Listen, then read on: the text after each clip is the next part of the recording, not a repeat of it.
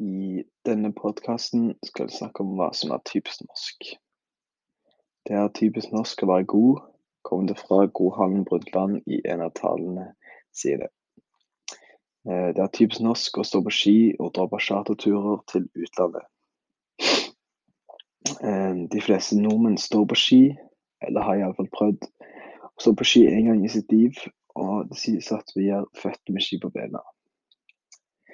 Det er typisk norsk eh, at det er mange nordmenn som har hytte enten på fjellet eller på kysten.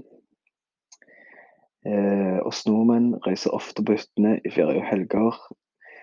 Og før så var hyttene uten vann og strøm, men nylig så er det mange hytter som er like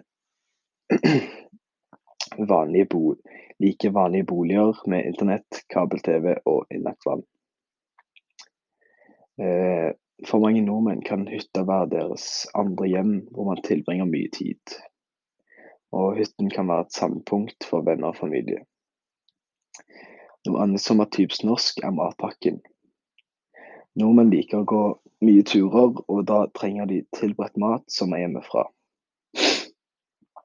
Um, og så er det bunad, som er nordmenns festdrakt, og som er inspirert av tradisjonelle klesplagg, som er brukt av bondebefolkningen i deler av Norge på 1700-1800-tallet. Nordmenn bruker bunader til ulike anledninger som konfirmasjon og 17. mai. Og det er typisk norsk å sitte alene på bussen. Og nordmenn er ikke av det utadvendte folkeslaget.